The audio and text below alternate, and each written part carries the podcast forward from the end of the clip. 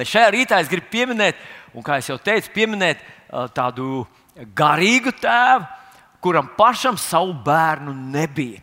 Bet interesanti, ka mēs varam redzēt, ka viņam bija daudz garīgu bērnu. Viņam bija draugs tur un tur un tur, un Romā, un Evezā, un Korintā, un, un, un Laudiķijā. Bet uh, visās tajās pilsētās. Un mēs redzam, ka katru rakstījams, katru vēstuli, viņš saka, es jūs nemitīgi pieminu savā lūkšanā, aizlūdzu par jums. Un kad es dzirdēju, ka jūs stāvat ticībā, oh, kādu man tas radīja gandarījumu un prieku. Apsels Pāvils. Viņam nebija fizisku bērnu. Un es gribu teikt, ka tajā laikā bērni un ģimene tas bija vēl svarīgāk nekā šodien. Jo šodien, kā mēs zinām, valstī ir pensija, un ir kaut kāds pensijas minimums un iztiks minimums, kur valsts nodrošina. Un mēs ar jums ticam, ka pēc tiem daudziem gadiem, kad mēs ar jums iesim pensijā, pensija vismaz būs pusotrs tūkstots apmēram eiro vai ne? Nu, mazākās pensijas. Un tādas, kas druskuļi pastrādās, jau divi, divi pusi, trīs un, un tā tālāk, vai ne? Ah, kurā valstī tu dzīvo, vai tu, tu nezini, kā pie mums ir. Nu, bet tad, kad dzīvoja apelsīns Pāvils, tad vispār nebija pensija. Vispār nebija nekādas valsts sociālās nodrošināšanas Nekā tāda nebija. Un bērni bija tava nākotne. Un tā kā tas spiediens uz Pāvilu, ka tev vajag bērnus, tev vajag ģimeni, bija daudz lielāks nekā šodien mēs ar jums to izjūtam. Bet Pāvils dāsni dalīja sevi citiem cilvēkiem. Viņš kļuva par garīgu tēvu. Un mēs arī redzam kādu īpašu individuālu gadījumu. Tas bija Timotejs, viņa garīgais dēls. Uh, kur Pāvils kā, nu, nu, kā īpaši griežās pie viņa un raksta viņam vēstules. Viņš raksta vēstules draugiem, bet viņš raksta vēstules arī Timotejam. Un zinat ko? Es gribu teikt, ka vēstuli uzrakstīt savam dēlam, piemēram, ka tu esi aizgājis mūžībā, un gadu pēc tam viņš saņem vēstuli no tevis.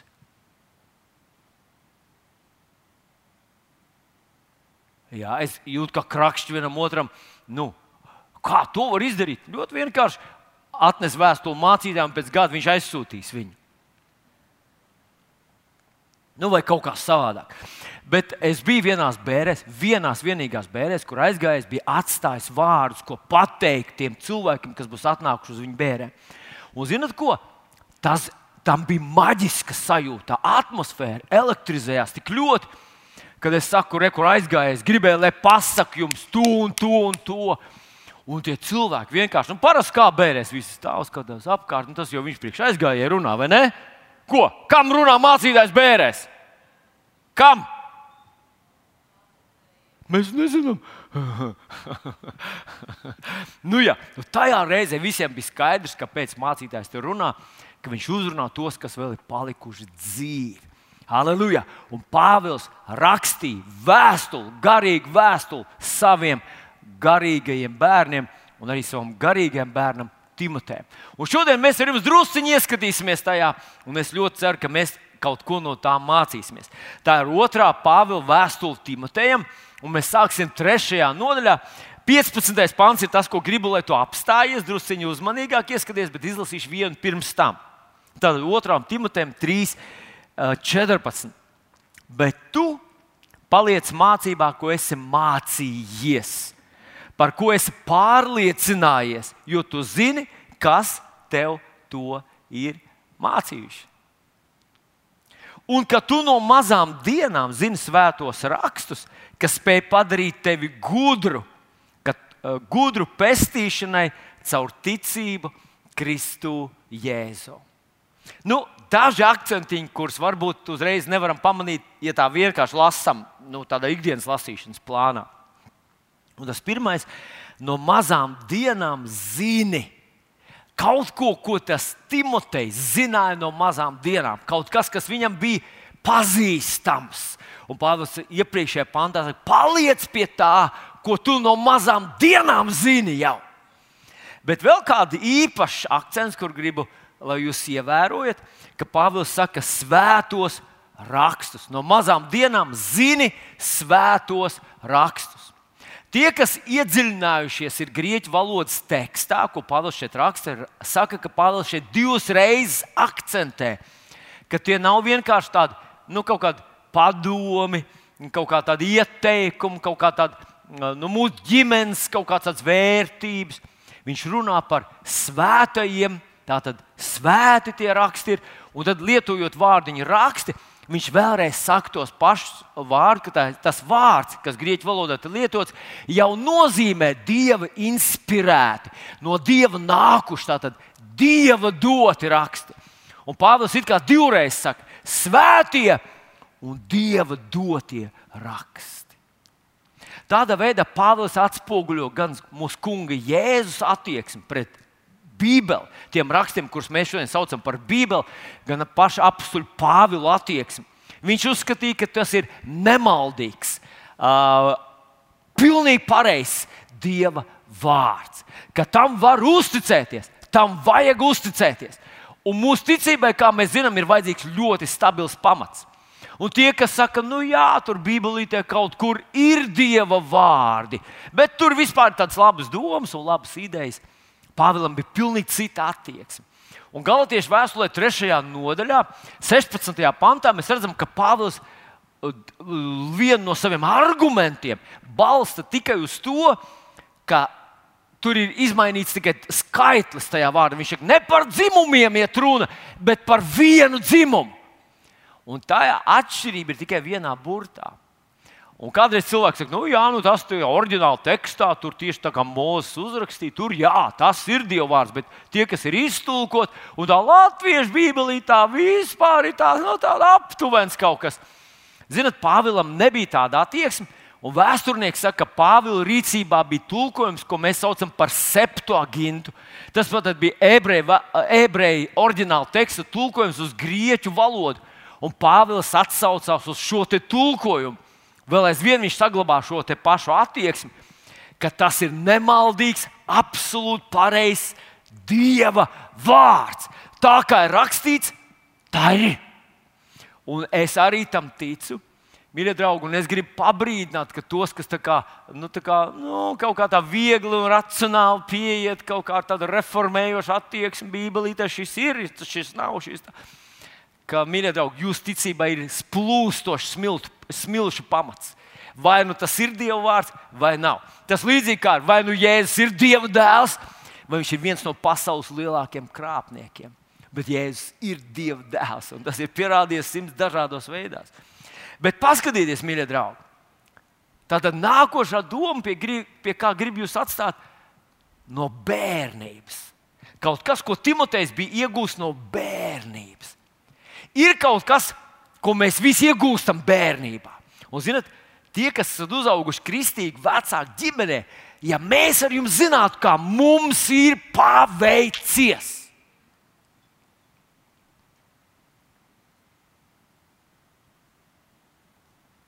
Es izdarīju mazu at atkāpīti.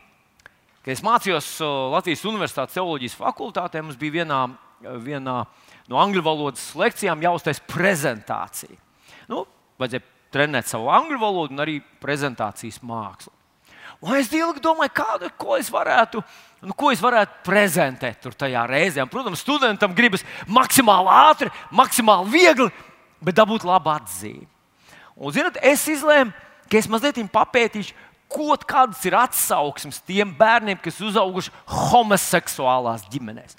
Uz to laiku jau bija tādi bērni, kurus bija adoptēti citās valstīs, ne pie mums, citās valstīs. Vecāki, homoseksuāli vecāki bija adoptējuši bērnus un uzauguši viņus. Un tad tiem bērniem jautāja nu, viņu atsauksmes, um, kas bija noticis. Tas, tas, tas bija diezgan liels pētījums.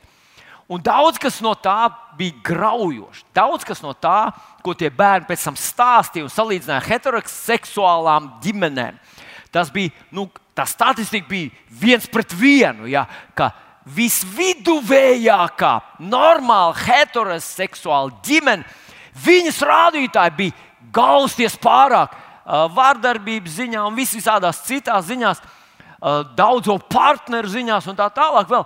Bet viena no lietām, ko tie bērni saka, ka viņi ļoti nožēlo, ka viņiem nav šī normālā pieredze. Ka viņi ir uzauguši tādās attiecībās, un viņi nezina, kā tas ir ka tev ir mamma un tētis. Un viņi ļoti gribētu šo dabīgo, biblisko, normālo pieredzi. Un es gandrīz to gribu pielīdzināt, ka arī mēs, kas esam uzauguši kristīgi vecāku ģimenēs, arī mēs nevienmēr novērtējam, kā tas ir, ka no bērnības mūsos ielikts pareizs, labs, stabils biblisks pamats. Bet tā ir milzīga svētība. Un es gribētu dzirdēt tavu āmenu uz to. Nu, lūk, tā tad no bērnības. Tas rajonus, kurā es dzīvoju, tur diezgan daudz cilvēku dzīvo apkārt. Un kādreiz vasaras siltos vakaros tu vari dzirdēt, kā ģimenes ārā tur nu, svin kaut ko vai risina savus konfliktus. Un ik pa laikam var dzirdēt no viena nama, kurā ir ļoti skaista māja. Cilvēki brauc ar uh, labām mašīnām. Bet tur var dzirdēt tādu, ziniet, tādus izteicienus, tādās paceltās skaļā balsī. Nu, kas tu debils esi? Kāpēc tu kliedz? Kāpēc tu tā dari? Un tas puisīts viņiem ir tāds, tāds, tāds nu, ātri, aktīvs, tāds, tāds varbūt, varbūt hiperaktīvs šodien to sauc. Tāds enerģisks puisīts, ar skaļu balsi, un viņš kaut ko saka. Un viņam saka, Ugh! vai piemēram tāds teksts, ja tu vēl vienreiz to izdarīsi, es tev gāzīšu. Māmiņa, māmiņas mīļā balstā. Saka. Un, un tu no malas tu tu tos cilvēkus nekad neiedomātos. Un tad es domāju par to, ko mēs iegūstam bērnībā. Kāds iegūst bērnībā to, ka visas viņa kļūdas tika svinētas, es lieku pēdiņās. Tas tika padarīts par sensāciju. Jā, tu atkal esi pietaisījis biksu, atkal esi izdarījis to. Ha, ha! Un cilvēks lēnītēm uzaugot šo savā tajā viņa kļūdu, tajā svinēšanas atmosfērā, viņš vienkārši dzīvē baidās kaut ko darīt, jo viņš zina, ka viņš neizdarīs pilnīgi. Un tad labāk nekļūdīties. Jo kamēr tu neko ne, nekļūdies, ir klusums. Cilvēks baidās kaut ko darīt.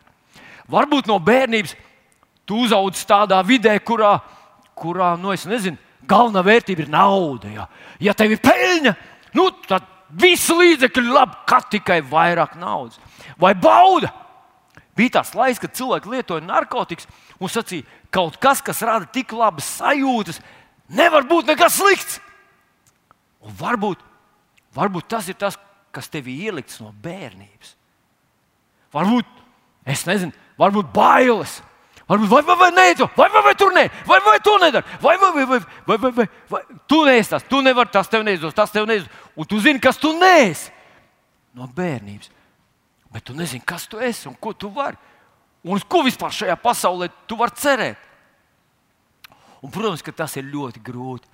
Bet es gribu teikt, ka, ja mēs atnākam pie Kristus, Viņš var mūs izglābt arī no tādas bērnības un izmainīt šos pirmos nospiedumus, kas, protams, nav viegli. Un mums vajadzētu apzināties, īstenībā kādreiz ļoti noder tā patīt atpakaļ savu filmu un atcerēties, kur tu biji un kā tu biji. Un, zinot, kad es uzzināju, ka tas nav normāli, ka nav visi pirmdienas rītā aizvest uz bērnu un pēdējās vakarā paņemt, Man bija drusku jādomā par to, kāpēc es esmu tāds, kāds es esmu. Tikai tāpēc, ka man aizved pirmdienas rītā uz bērnu dārzu un piekdienas vakarā paņēma mājās. Kurš vēl bijis visu nedēļu bērnu dārzā? Ugh, mēs ar Olitu vienu. Ah, vēl, vēl, vēl ir vairākas, vairākas uh, rokas. Nu, kaut kāds pēdas tas atstāja mūsos. Kaut kas, kas mūsos ir no bērnības, varbūt nav bijis tik pareizs. Kas bija ar Timoteju? Viņš no, viņš, Pāvils saka, viņš no bērnības bija trenēts svētajos rakstos, vēlreiz svētajos, dievu iedvesmotajos rakstos.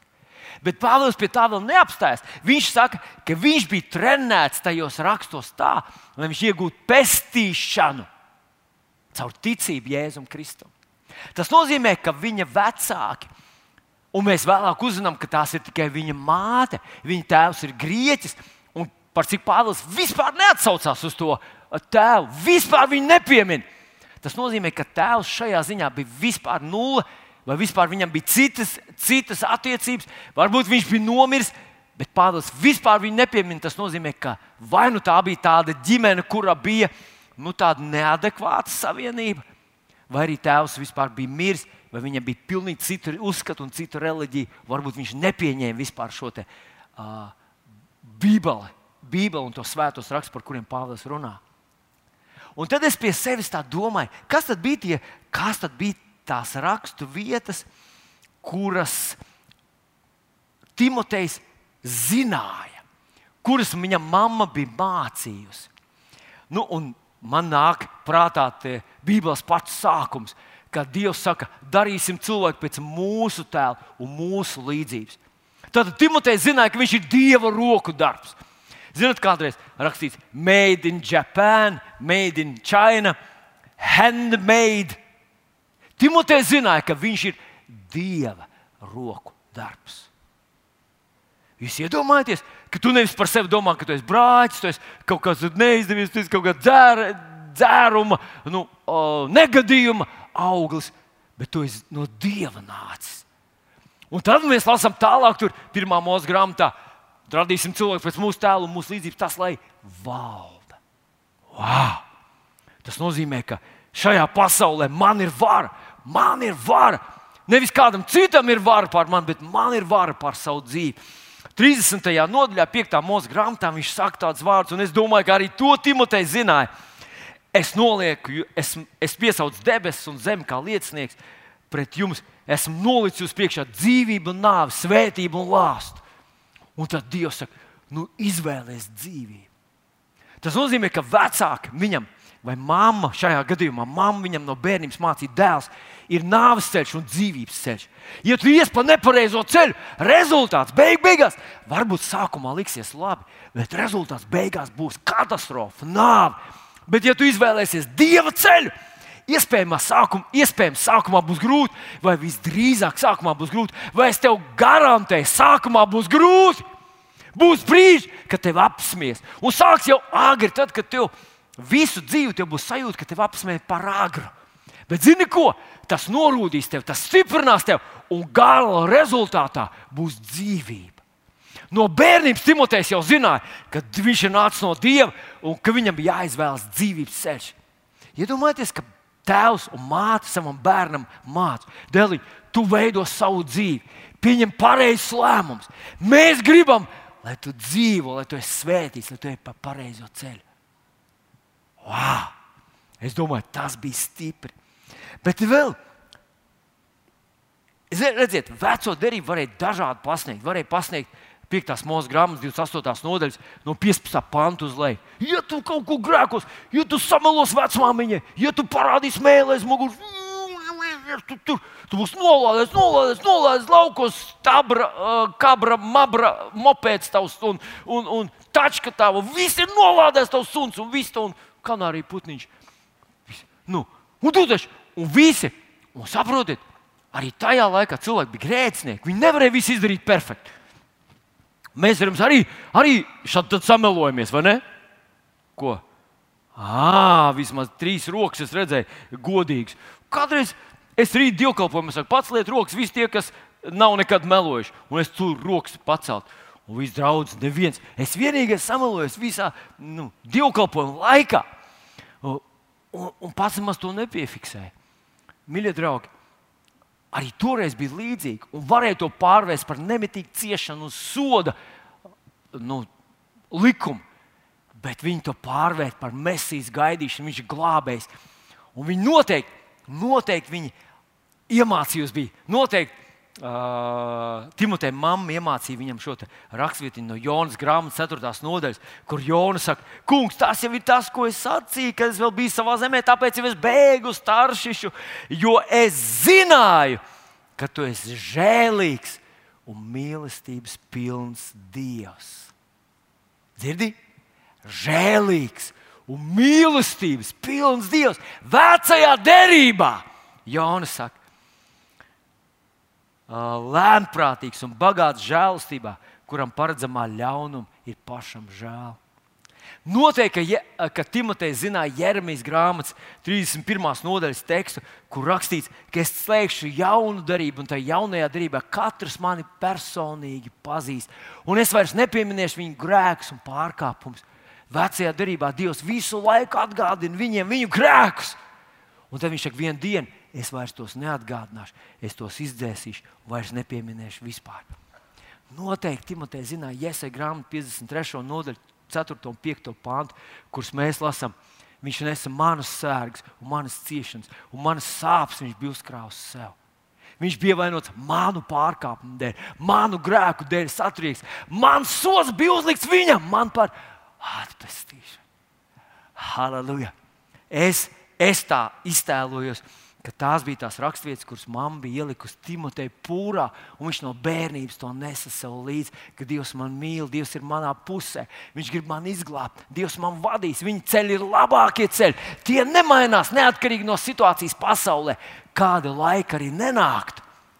Ja es iešu pa Dieva ceļiem, man gaida dzīvība. Vai tas nav brīnišķīgi? Un, mīļie draugi, varbūt tev un man nav īsti tāda no bērnības šīs šī mantojuma, šī dārgā, pareizā mantojuma, kas der visos laikos, visās situācijās. Kas arī nenotiktu Latvijā pasaulē, rīt Dieva vārds būs patiesa un nemainīgs. Iedomājies! Tas nemainīsies. Tu vari nobalstīt tajā savu ticību un savu dzīvi.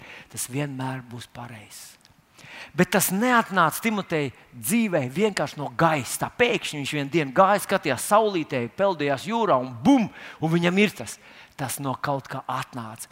Un tas ir uzrakstīts pirmajā nodaļā, un rekurors lasu otrā Timoteja, uh, pirmā nodaļa, uh, lasu no 4. panta. Pāvila vārdi.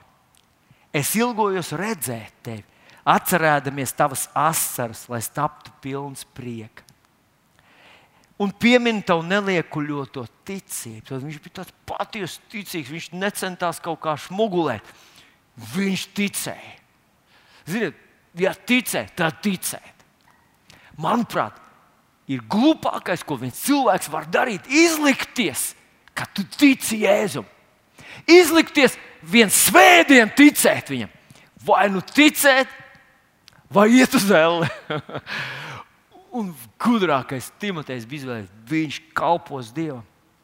Piemin tavu neliekuļoto ticību, kas pa priekšu mita tavā vecā mātē, Loidā un tavā mātē, Eunikā. Bet es esmu pārliecināts, mīt arī tevī. Aiz šā iemesla es atgādinu tev atdzīvināt Dieva žēlastības dāvanu, kas dota tev ar manu roku uzlikšanu. Izlasīšu sesto pantu vēlreiz, paklausieties aiz šā iemesla atgādina tev, atdzīvināt, vai iededzināt, uzpurināt. Nāc! Um, kā lai to pasakā? Iededzies! Dieva žēlstības dāvana, kas tev tika dota ar manu roku uzlikšanu. Un tad viņš nobeidz ar septīto pāntu, jo Dievs mums nav devis bailības garu, bet spēka, mīlestības un savaldības garu. Paklausieties! Pāvils saka, es atgādinu tev. Atmiņa ir milzīgs spēks.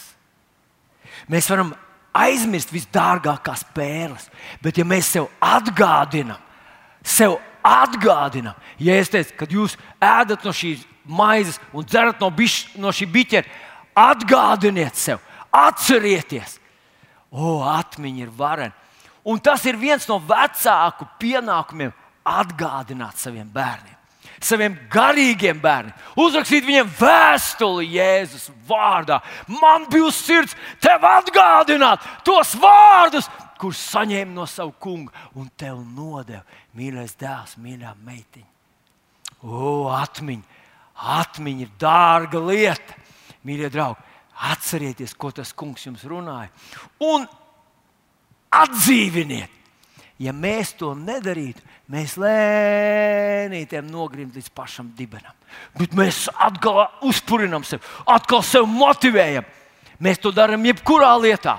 Mēs sākam veselīgi ēst. Un tad pēc kāda laika lēnītēm mēs skatāmies atkal uz šķīvi, ir visi vecie, visi vecie ieradumi. Bet mēs sev atkal motivējam un atkal darām to pareizi. Mēs atkal motivējam sev kustēties un darīt pareizi. Dieva lietās arī šī motivācija, ka tu atkal sevi uzpurini, atkal sevi sapurini. Nē, nē, nē, es nepalaidīšos, nē, es nepadošos, nē, es nenomierināšos, es aiziešu līdz galam. Un tu to izdarīsi. Tas ir tas, ko Pāvils saka. Bet paskatieties, acīm redzot, Pāvila kalpošanā pirmā ienāca, pirmā ienāca vecā māte Loida. Vecā māte Loida. Viņa pirmā atgriezās. Un tad viņi ar to pašu savu ebreju, tādu neviltot, tādu bezkompromisu ticību. Viņi to stāstīja savai meitai, kas bija precējusies ar grieķi, kuram bija cits, citi uzsvars, cits akcents, cits ticības. Un viņi to stāstīja savam mazbērnam arī. Viņi nekautrējās, nebaidījās. Viņa, un te ir tas, tas septītais pāns, uh, 1. Timoteja 4, 7, kur rakstīts, jo Dievs nav mums devis bailības garu. Un tas bailības ir tāds, tāds neizlēmīgs, tāds kautrīgs. Es, es jau gribēju teikt, es jau visu laiku vēlējos, bet ba, ba, ba, ba, ba, man nekad nelaid pie vārda. Nu, tas nebija Loidas problēma. Tāda nebija. Ja, varbūt viņa kādreiz pāršāva par strīpu, visdrīzāk. visdrīzāk. Sievas māte šādi pāršāva par strīpu. Bet zinat ko? Dubult sāpīgi ir, ja tu tā arī neuzdrošinājies atvērt mutu un pateikt, kā ir. Tātad Loida bija pirmā, un tad viņas meitiņa Eunīka. Viņām abām bija neviltot ticība, viņas nekautrējās to pateikt savam bērnam. Salamans saka, ka bērns, kurš atstāts savā vaļā, sagādās kaunu savai mātei. Un Bībelē mums dod instrukciju, lai mēs mācām savus bērnus, lai mēs trenējam viņus. Un šīs mammas, vecā mamma un mamma to darīja. Un Timotejs viņām par to noteikti bija ļoti pateicīgs. Vēlāk, kad viņš kļuva par apakstu, ieņēma cienījamu vietu starp apakstuļiem. Tas bija tāpēc, ka viņa vecāki bija viņam kalpojuši bez bailēm, bez kautrēšanās, bez šaubām Kad tu zini, kas ir pareizais ceļš, tu droši par to vari vadīt savus bērnus. Un man gribas atgādināt šo te uh, salmam pamācības 22. Uh, nodaļu, 6. pantu. Un uz ekrāna es viņu izlaboju pēc King James tulkojuma, jo tur rakstīts, trenē savu bērnu uh, vēl bērnībā. Viņa ceļā, un viņš no tā neatstāsies, kad arī būs vecs. Tas ir drusku vairāk nekā vienkārši mācīt. Un trenēt tas nozīmē, nu, ka tu viņam reāli ļauj tam iziet cauri. Tu ļauj viņam to piedzīvot, tu ļauj viņam izdarīt izvēles, un tu dod viņam izvēli. Bet tu padari to maksimāli pareizi. Nu, nu, man, man ir tāds, tāds piemērs, varbūt, kad tu saki savam bērnam, tev ir izvēle. Tu vari izvēlēties, uz kuru dievkalpojumu mēs iesim. Uz pirmo vai uz otro. Mēs darīsim, kā tu teiksi. Tev ir brīvība. Jā. Mēs tev neuzspiežam. Halleluja! Bet tu zini, ka tu esi no Dieva nācis. Un mēs gribam, lai tu zini, ka no bērnības tu zini patiesību. Tu zini šo Dieva ceļu. Un tā ir milzīga svētība. Es esmu ļoti pateicīgs saviem vecākiem, ka viņi neteica, nu, Vilni, es nezinu, nezinu, tev pašam jāatrod, tev pašam jāmeklē. Viņi no bērnības man stāstīja. Mums bija garas lūkšanas mājās. Un man māmiņa lūdza, es tūlīt, tūlīt beidzu. Bet es atceros, viņa sāk lūgt, es brīžam aizmigu un pamodos. Un viņa vēl lūdz. Es domāju, nu, brālīt, ko tur? Ziniet, bet, bet mamma lūdza un lūdza asars tecē, viņa raudāja iekalojās un slaudzīja tur tās, tās, nu, un tev varbūt sanāktu smieklīgi, ja tu redzētu. Bet tā bija mana mamma, tas bija mans tētis. Viņa man mīlēja. Un viņa man teica labus vārdus. Viņa vienmēr teica, Vilni, tev ir gaiša galva. Man māmiņas vārds. Viņa nebija daudz to tādu, bet viņa teica, gaiša galva. Un es skatos, kāda man gaiša galva. Lēnām paliek, bet slavu Jēzum. Zinat, atstāj saviem bērniem to, kas nemainīsies nekad. Nevajag viņam circenīt aizkrāsnē, un nevajag viņam mācīt veco mazo zābaciņu. Tas, tas varbūt tā ir mirklis, skan emocionāli un tā kaut kā tā adekvāti. Bet zinat ko? Ja tu no bērnības ieliec lietas, kam ir mūžības vērtība, uz ko viņš var balstīt savu uzskatu sistēmu, savu pasaules skatījumu, balstīt savus personības pamats tajā, ko Dieva vārds par viņu saka, tad tas ir labākais, ko tu vari iedot savam bērnam. Un šajā rītā, mīļie draugi, mēs jau dzirdējām daudz, un es ļoti ceru, ka tu sadzirdēji arī, ko tas kungs uzrunāja tevi. Tu vari būt par svētību, tu jau esi par svētību. Tu jau esi par svētību. Saku, teikšu vēlreiz, tu jau esi par svētību. Vēlams bieži vien mums pienāks, saka, ah, kad tu sāksi? Muļķi! Es jau sen esmu sākusi un esmu sācis. Es zinu, ka tavs lūgšanas darbojas. Es zinu, ka tavs lietuvas liecības darbojas, tavs pieskāriens darbojas. To, ko tu esi teicis, pravietojis, runājis, tas darbojas. Bet tu vēl nebeidz šodien. Tu beigsi pēdējā dienā. Nu, gadu pēc savas nāves, tu atnāks tavu vēstuli taviem bērniem un tiem, kurus tu mīli. Un Jēzus vārdā tu redzēsi, ka tas kungs pienāks diena, tas kungs tev teiks, zini ko? Tu izdarīji vairāk nekā visi no tevis sagaidīja. Bet es tev ticēju no paša sākuma.